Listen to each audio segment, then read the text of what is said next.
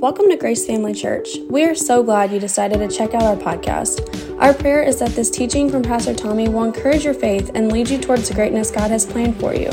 Thanks again for listening. We hope you enjoy this message. And the fact that we're talking about uh, living a life that's pleasing in His sight, right? And uh, you know, as I as I was leading my really into the year, and as I began to pray about direction for the church, the Lord led me to this verse of scripture in Micah chapter six, verse seven and eight, and we'll read that, uh, and then we'll pray, and then we'll believe God for no more interruptions by rude people, so that I can get through what God wants me to do. Amen. So let's pray, Father. Thank you so much that you love us, that you care about us, and thank you so much that uh, you know we can we can joke and we can have fun in your presence, and, and in the midst of all of that is probably the best opportunity for us to hear you. And so, Father, I thank you that as we approach your word today, we approach it uh, with an attitude of seriousness, but also with just a, a, a light and happy heart to say, Lord, speak to us today. I ask you to use me to speak through me to your people, and that we would leave here today with a greater understanding of who you are, how much you love us, and we're equipped to be able to do the same, to show our love and, and, and express our care for others. We give you praise and thanks for that in Jesus' name. Amen. Uh, Micah chapter 6, verse 7 and 8, it says this It says, Will the Lord be pleased with thousands of rams? 10,000 rivers of oil. Shall I give my firstborn for my transgression, the fruit of my body for the sin of my soul? Has he shown you, O man, what is good, and what does the Lord require of you? And then he gives us this very simple formula. He says, But to do justly, to love mercy, and to walk humbly with your God. So notice we're instructed to just live a life, if I could really, you know, there's a New Testament verse I read last week, and it's really the essence of what this is saying, is just to live a life with you putting your head down and saying, I'm going to honor God with my life, I'm going to, I'm going to love others, I'm going to forgive others, and I'm just going to walk humbly before God. That's the direction I, the Lord gave me for this year. It wasn't some grand, we're going to, you know, we're going to grow to a church of 5,000 in a year. It was just this simple thing. Just do what is right. And be obedient and love others and, and, and fulfill the vision I've given you to just meet friends, worship God, hear the word, be a blessing. And as you do that, I'll bring the increase. I'll bring people together, and you'll be that church that you want to be, and all the goals and aspirations you have, I'll take care of that piece of it. And so we were instructed to do that. But, you know, as I contemplated that, what really stood out to me in that verse was the first few words. It says, Will the Lord be pleased? And as I thought about that, I thought, you know, that's, you know, there are things we can do in our life. There are ways we can live our life. There's a manner in which we can live that pleases God.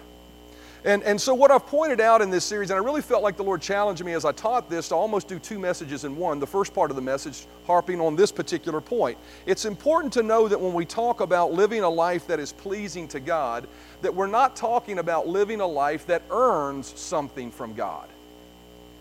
We're not talking about living a life and checking a bunch of boxes so He likes us. Right? We're talking about something completely different. As a matter of fact, the Bible tells us that Jesus already paid the price for us because God liked us. Not just liked us, but loved us. And not only that, but Jesus paid the price to satisfy any requirement that ever needed to be met so that you could be accepted by God. And he goes even a step further to tell us that not only that, but him dying on the cross and shedding his blood actually made a way for every promise of God not have to not have to be earned from him, but to just be received from his hand that's already relinquished it to you. Amen.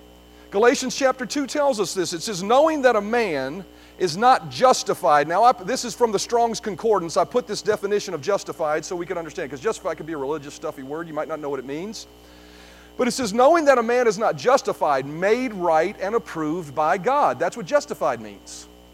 Or it just means being approved by someone, but this in this instance it's talking about God. So knowing that a man is not justified, made right and approved by God by the works of the law, but by faith in Jesus Christ. Even we have believed in Jesus Christ that we might be justified by the faith in Christ and not by the works of the law. For the works of the law shall not, no, for, by the works of the law shall no flesh be justified, made right, and approved by God. So, what that tells us is that you cannot earn God's blessings. Why? Because He's willing to give it to you freely. Amen? Amen. It's by putting 100% of our trust for salvation and acceptance in what Jesus did for us that causes us to be accepted by God. It also is by putting 0% trust in our works to be accepted by God. I'll go a step even further. It's also by putting 0% trust in our failures to be disqualified by God. See, because I think that's where most of us live, right? We live along and maybe we're, we're serving God, we're honoring God, we're doing right, and then we have a week where we just kick the dog, yell at our wife, flip somebody off when they're driving, and these things don't go well for us. You ever had a week like that? Y'all are a bunch of liars. That alone tells me you don't measure up, right? But what happens when we do that, zero, you know, what we tend to do in our hearts is we tend to lean toward this, this, this false lie that says, because I didn't do this, God now doesn't approve of me. God now doesn't love me. I've disqualified myself at least for a period of time till I can get on the right track for the blessings of God. That's where a lot of people live. But what that verse says is you can't be justified by how good you are. So that tells me the opposite of that is you can't be unjustified by how bad you are. So a lot of people say, boy, that's dangerous ground you're walking on. Because now you're telling people they don't. You know, the only reason people want to give you a bunch of rules you got to live by to, to make yourself right with God is because they want to control you.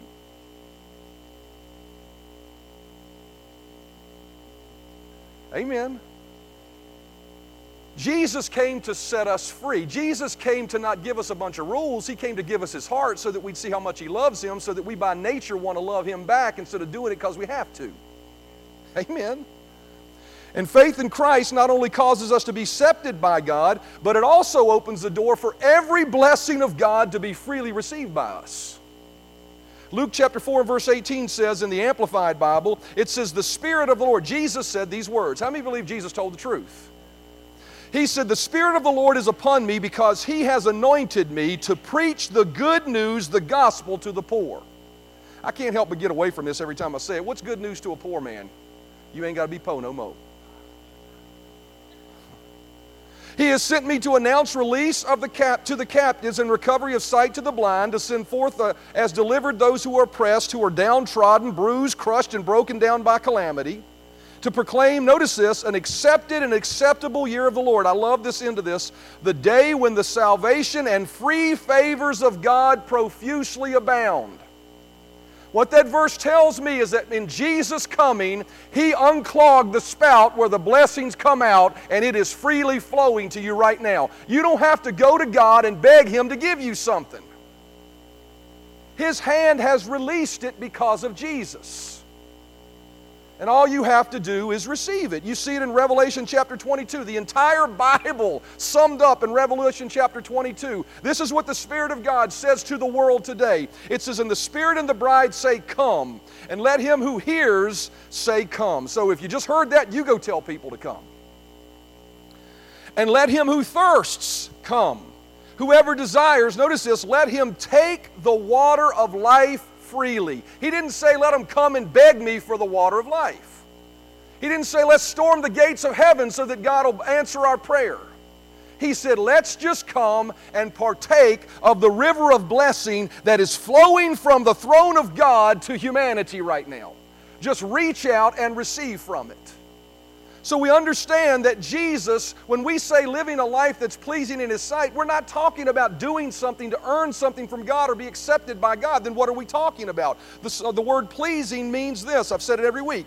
It means gratifying, satisfying, or that which pleases or makes one happy.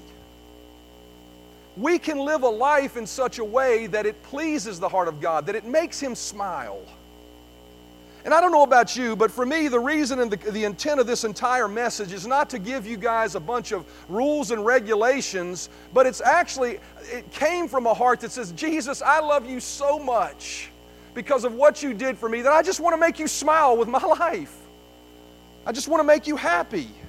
And so we pointed out over the last couple of weeks here are some things we can do that does make God smile. Remember, you're always accepted, so if you don't do this, doesn't mean you're not accepted. It just means that you hadn't made him smile today. and, I don't know about you, but if you love somebody, you want to make them smile. You want to make them happy. And so, number one, we said one of the things that makes the heart of God happy is a heart that's undivided and 100% dedicated to Him and brings, uh, that brings joy to his heart. The psalmist, we, we, I actually pointed out in the, in the message where I taught this that what makes God happy is a Davidic heart, a heart like David had. The Bible says that David was a man after God's own heart. Psalm 103 and verse 1 says, David said, With all my heart I praise the Lord, and with all that I am I praise his holy name. With all my heart I praise the Lord. I will never forget how kind he has been to me. David said, Everything in me wants to praise you. Now, he gives us a key to that because he says at the end of it, the reason he did it is because I'll never forget how kind you are. The reason we love God is because he's so good to us. Amen. And the more you get close to him and the gooder he is to you, had an old uh, college uh, professor. He was about this tall and weighed about 300 pounds. He was from South Georgia and he was a Pentecostal preacher and he would talk like this. His name was Doc Horton.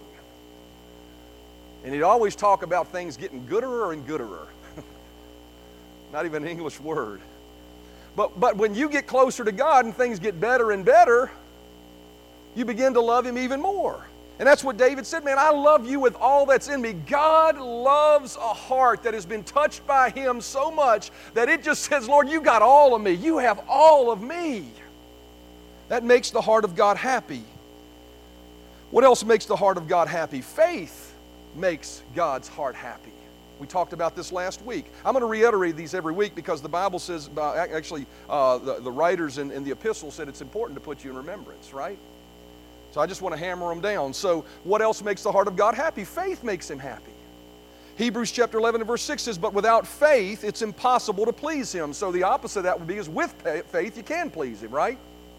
For without faith, it's impossible to please him. For he that cometh to God must believe that he is and that he's a rewarder. And what we said last week was this that the heart that pleases, faith that pleases God, is a heart that says, first of all, God, I acknowledge who you are and your awesomeness and your majesty. Therefore, I'm going to intimately spend time with you because you are so, just so awesome. That makes God happy. But not only that, it goes a step further and says, Not only are you awesome, but I realize you're a rewarder. I also will not forget that you're good to me that who you are is a benevolent God. You're a giving God. You're a good God. You're a God that wants to bless. That makes the heart of God happy when we believe that about Him. And so today, what I want to talk about is another aspect of what we can do to please God. I want to talk about, and we find it in Psalm 35 and verse 27. But you know, as I before I read the verse, I just want to reiterate again what I, what I shared with you after worship because I really felt like the Spirit of God as I was, as I was, as I was preparing this message. God kept driving me to this point, and I was like, Lord, this is not something we can do. This is not something we can do. This is not something we can do. What can we do to please you? And I heard him say this morning, I don't want you so focused on what you can do to please me. I want you focused on how much I love you and you will please me. And so, what I want to do with this message this morning is I want to talk to you about something God does that makes Him happy.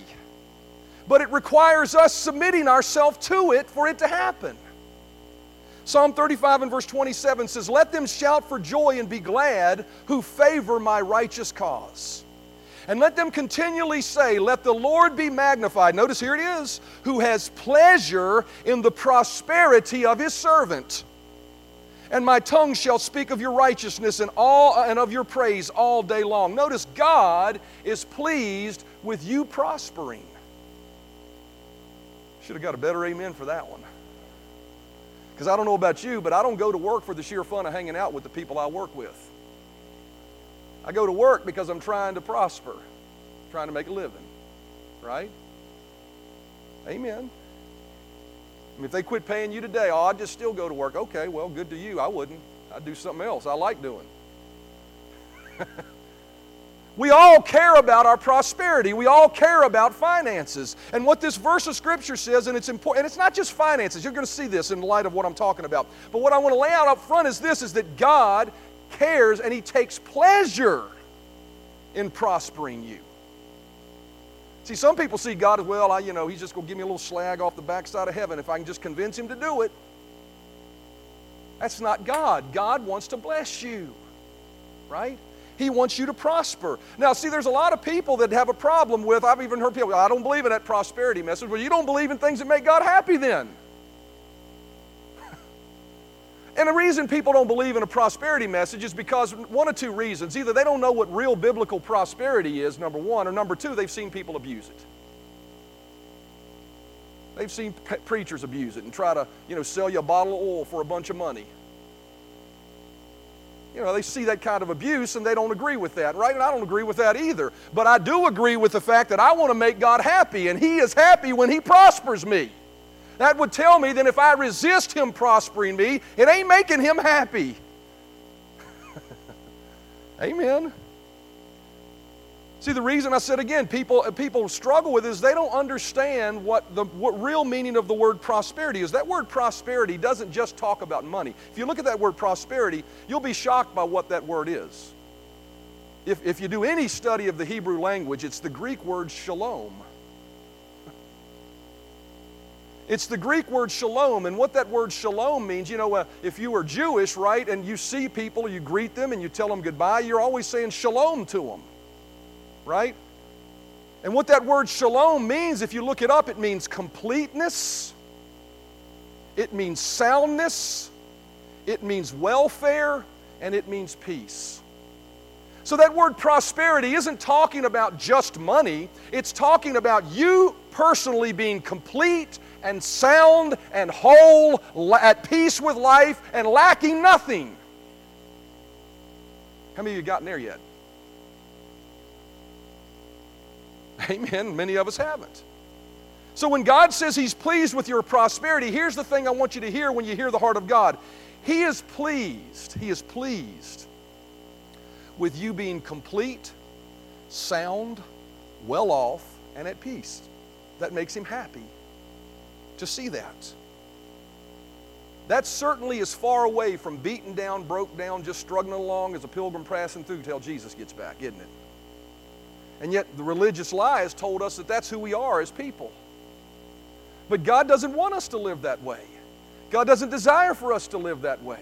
God doesn't want you beat down, broken down, struggling along from paycheck to paycheck, never actually uh, uh, uh, arriving at a place where you can look around your life and say, I'm, I'm complete, I'm sound, I'm whole. And some people say, oh, yeah, he's just talking about spiritual blessing. No, he's not. You're just making excuses complete wholeness. And we'll see it. Paul said, I wish above all things that you would prosper and be in health. We'll get to that one in a minute. First, First Thessalonian tells us that he wants us sound and doing well, spirit, soul, and body. Right? God wants every aspect of our lives complete and sound. Listen to the various ways this word prosperity is translated. This word shalom is translated in the Old Testament. At ease, it's a bunch of them, so just listen to them. At ease, favorable, health, peace, peaceably, peaceful, peacefully, peace, perfect peace, prosperity, to rise. God is interested in you rising, not sinking. Look at your neighbor and say, Thank God he don't want me to sink. Safe, safety, safely, secure, welfare, well being, who are people who are at peace and wholly supplied. Those are literal translations you find in the Bible of that word shalom. So when a, when a Jewish person says to you, shalom, what they're saying is, may you be complete and wholly satisfied in your life. Sort of like an Irish person, may the road, road rise to meet you, right? God desires for us to be blessed. This may not mean that we're the richest person in the world, right? See, a lot of people take the prosperity message and think it means you're going to be the richest man on the block. Well, how many of you realize somebody's got to be the richest man on the block, but that means the person next to him probably ain't? So the prosperity message ain't about being the richest person in the world, but it's about being complete and whole and sound because you have a relationship with Jesus and with God and you're following Him and going after Him. And when you're in that plate of state, a state of wholeness and completeness, that makes the heart of God smile. It's His desire for you.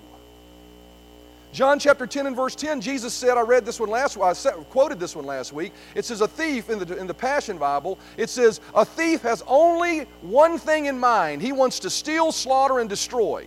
But I have come, Jesus has come, to give you everything in abundance, more than you expect, life in its fullness until it overflows.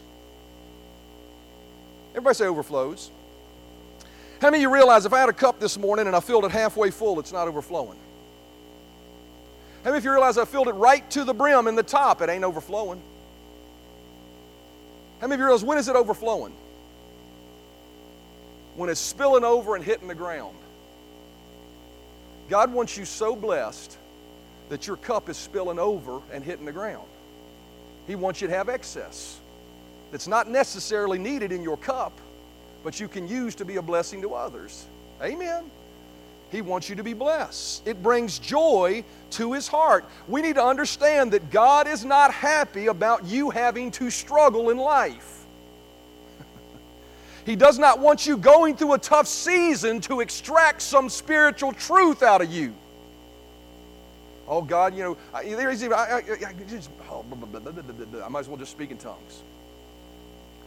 It makes me so angry sometimes to see people, I mean, just malign the character of a, a benevolent God. I mean, even good people, sincere in their hearts, and, and, you know, I don't claim to have a corner on the market, but I know God's good. And people will say things like, well, God's just bringing you to this tough season of your life to teach you something. Hogwash! Hogwash! Jesus came to give you an abundant light. If you're going through a tough season, God is in the midst of the tough season with you to help you and teach you, but He didn't bring you there, but He will bring you out of there if you'll trust Him. That's what this verse of Scripture says. That God cares, Jesus cares about us having an abundant life, a prosperous life, a complete and sound, a whole life. It brings no joy to His heart for you to go through difficult moments, no more than it would bring joy to your heart to see your loved ones go through a difficult moment. 3 John verse 2, it says, Beloved, I wish above all things that thou mayest prosper and be in health, even as your soul prospereth.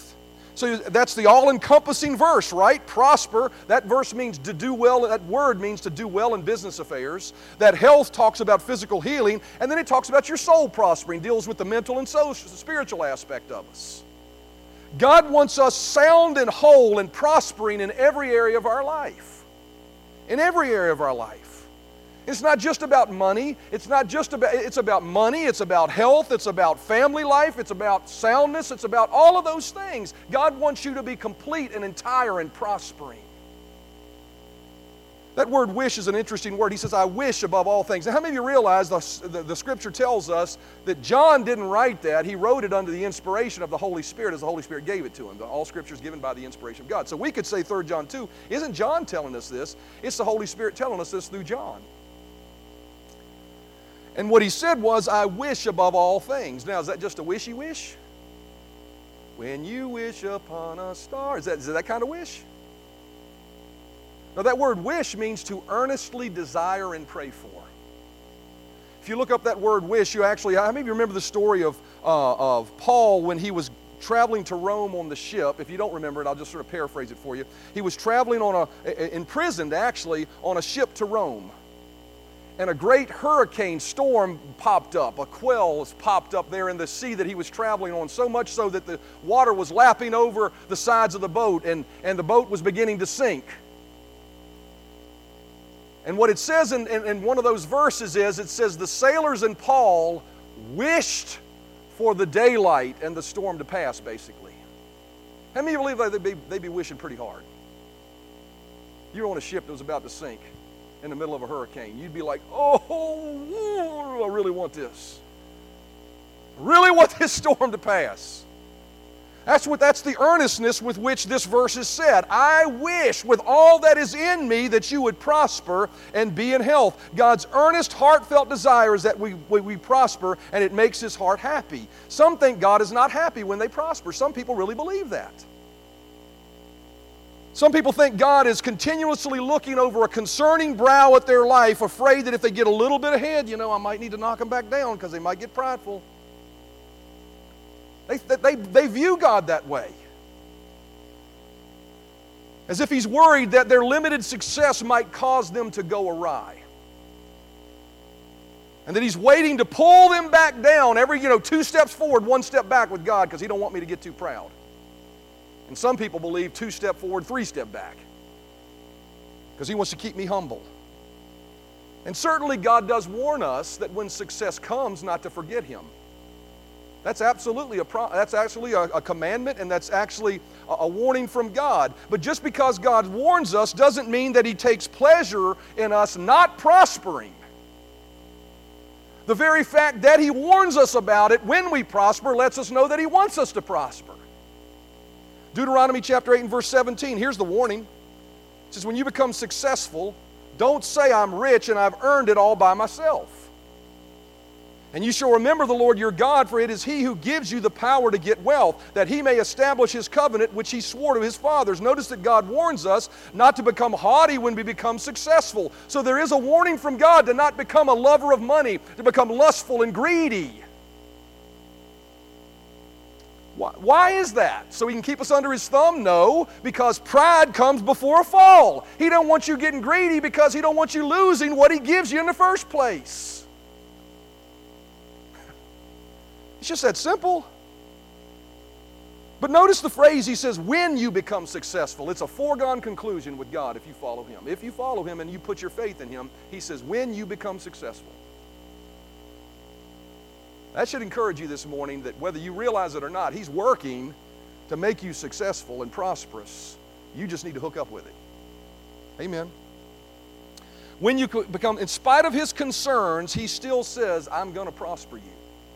What that tells me is this God has more confidence in us than we do ourselves a lot of times. Because as you look through the scripture, I think it's really interesting. The very people he said, When you prosper, don't forget about me, actually, when they prospered, forgot about him. But he still prospered them. See, some people say, well, you know, God knows better than you do. You couldn't handle that, so he's not going to give it to you. Hogwash. He has confidence in your ability to remember. If you choose not to remember, shame on you. See, that reasoning doesn't line up. Well, God knows better. You probably couldn't handle it. That doesn't line up with that verse because those people that he told that to actually did forget him. Didn't he know they were going to forget him? Why did he prosper them then? Because that's who he is. He takes pleasure in blessing you. He wants to bless you. He's not setting you back every time you get ahead to keep you humble. See, why am I preaching this with such, such adamance? I'm, I'm preaching it this way because I believe it's the heart of God. He wants you to know how much He wants to bless you. He's not fighting against you, He's not holding you back. He's wanting to take you to the top of the stack as it relates to you. If we only believe it. See, notice Jeremiah 29 and verse 11. For I know the plans I have for you, declares the Lord plans to prosper you, not to hold you back, not to harm you, plans to give you a hope and a future. God wants to prosper us. That's what makes his heart happy, as we read in our opening in one of our texts here this morning. The limiting factor in our complete prosperity, here I'm going to write, I got this highlighted in green, it must be important. The limiting factor in our complete prosperity is not God, but, but our struggle rather to believe that God is 100% in favor of it. We have heard so much about the love of money and, and, and being greedy and, and being lo- and all of those things are true that we're afraid of it. We're, we're, we're afraid that maybe some inkling of it, maybe God isn't pleased with when it comes to our prosperity. This lack of belief in His desire to bless us, think about it for a minute. It must truly hurt the heart of God. You ever tried to give somebody a gift and they just wouldn't take it because they didn't believe they were worthy of it? It's disheartening to walk away from that moment. Sometimes walk away shaking your head saying, Man, I just wanted to bless them. I believe that's the heart of God toward us this morning. He wants to bless you. He wants to prosper you. And He doesn't want to walk away from that moment with you saying, No, no, I don't believe it. I don't believe it. I don't believe it. Now, here's the question I have for you this morning Does that mean that God's not pleased with you if you're not prospering right now? No, that's not what it means. Is He angry with you because you're struggling and going through difficulty in your finances or your health or your body or your mind? No. Why? Because remember, He loves you because of who you are. He's pleased with you because of what Jesus did. So he's not angry with you, he's just sad you're going through it. You need to understand something. When a problem shows up in your life, God is not happy about it. no more than you'd be happy about it when a problem shows up in your life or the life of someone that, that, that, that, uh, that you care about.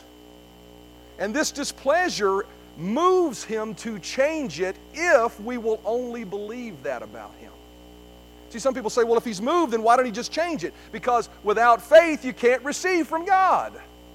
You don't believe he's willing to do it, you get things from the spiritual realm into the natural realm by faith. And if you want to get His blessing and prosperity in your life, it comes by faith. It comes by believing, truly believing deep down in the recesses of your heart. Not just because you say it, not just because you heard me say it, but you are thoroughly convinced and you can't be shaken that I believe God wants to prosper me. And when this problem happened, I don't believe it's from the hand of God, and I resist it it's from the hand of God because I know He wants to bless me. And no matter how long it takes for my situation to change, I won't bend from that truth.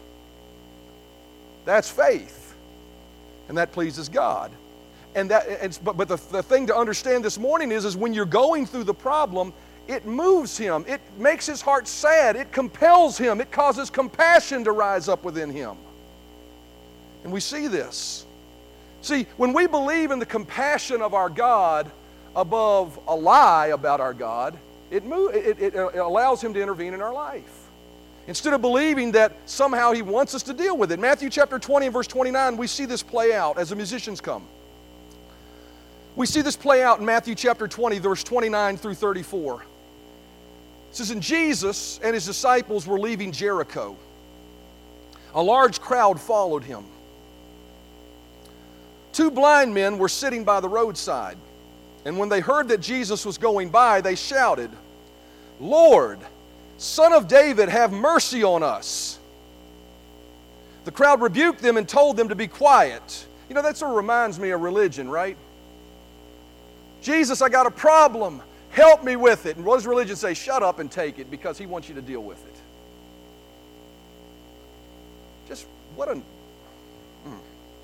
makes me so mad. Verse 31 the crowd rebuked them and told them to be quiet, but they shouted all the louder, Thank God for them and their tenacity. It says, Lord, Son of David, have mercy on us. And Jesus stopped and called to them and said, Sons, I gave you this blindness to glorify me so that you can relate to other blind people, so deal with it. Is that what he said? Did Jesus ever say anything like that to anyone who came to him for healing? I can tell you, I've looked at it. No, he did not. And yet we preach that from pulpits in America. We pat hands of people who are struggling and going through difficulty, getting them to accept something that God doesn't desire for them to have. Jesus said, What do you want? How open ended is that question? It's the proverbial genie in a lamp. I mean, it's crazy. What do you want from me? But he ain't no genie. He's Jesus. Lord, they answered, we want our sight. Notice there's no comma if it be your will after that. There's no comma at the end of that says, Lord, we want our sight, but, but if you want me to bear this for your glory, then I'll deal with it. They didn't say that. They were convinced that Jesus was so compassionate that if they would ask for it, he would do it. Because he wanted their life better. He wanted their life complete. He wanted their life prosperous, sound, whole. Jesus' response to the blind men, notice what it says, and Jesus had compassion on them and touched their eyes, and immediately they received their sight and followed him. His compassionate, caring, displeasure. Notice it says he had compassion on them. You know, if you think about the word compassion, there's an element of displeasure that prompts compassion. Right? I mean, you know, you watch these tear jerking commercials about hungry children over in, you know, different countries of the world. You look at that and say, that ain't right. That ain't, something in you that displeases you about that situation. And, and, and the people that make the commercial are hoping it'll cause compassion to compel you to do something about it. Right? And for some of us, it prompts us. For others, there are other things that prompt us. And I realize you can't give to everything, so you got to pick and choose your battles. But here's the point of it all when Jesus sees us going through difficult moments, there's, a, there's an element of Him that is, is displeased by it, not displeased with us. He loves us, but displeased with the situation that says, I don't like that you're dealing with this, and my compassion is welling up in me just as it did for these blind men. And if you'll simply believe, that I'm willing to do it, I will begin to turn the boat around for you. Amen. These men, you know, what truly brought about the change for these people, God was compassionate, but He's compassionate to all of us. Why, why wasn't there other blind men on the road to Jericho that were healed? Maybe there were, but we don't have a count of it. But why weren't there others that were healed? The key factor was the men. They were willing to believe he cared enough about them to compassionately change their situation, that he wanted them to prosper, he wanted them to be complete, he wanted them to be whole. They just believed that Jesus would take pleasure in changing their situation because he was displeased with their situation being what it was right at that moment.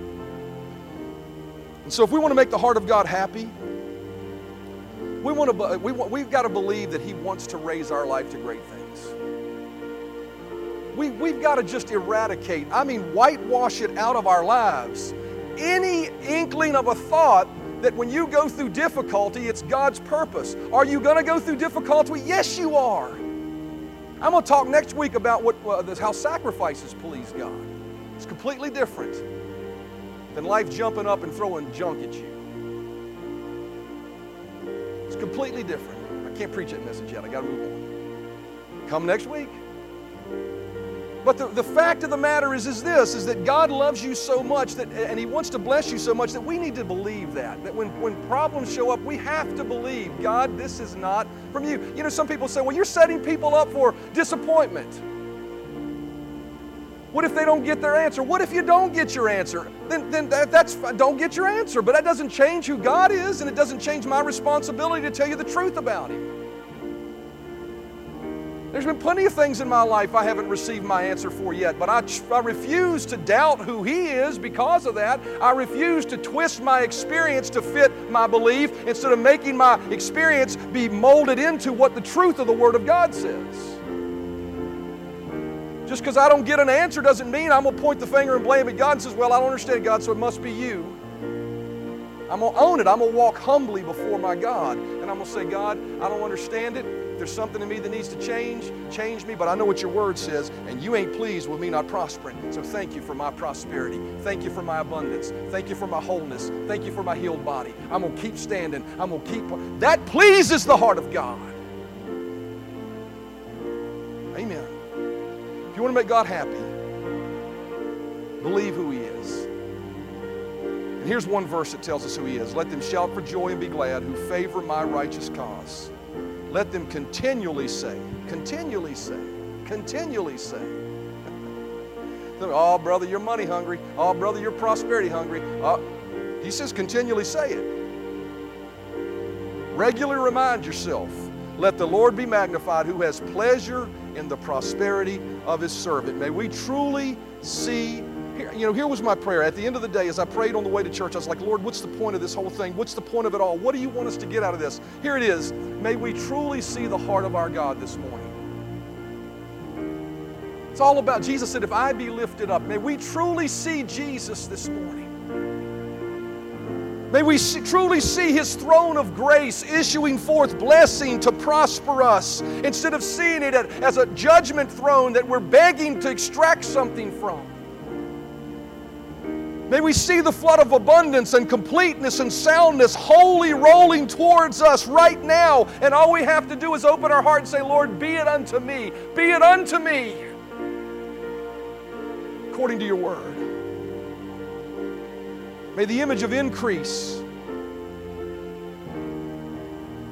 settle down on the inside of us so much so that we realize, man, He loves me so much that I can't help but love Him. Amen. Thanks for listening to our Grace Family Church podcast. We really hope you enjoyed this message. If this ministry has blessed you in any way, we would love for you to get connected. Just go to gfcva.info to learn more about who we are, how to give to this ministry, or how you can get involved. Thanks again for listening, and we hope to see you soon.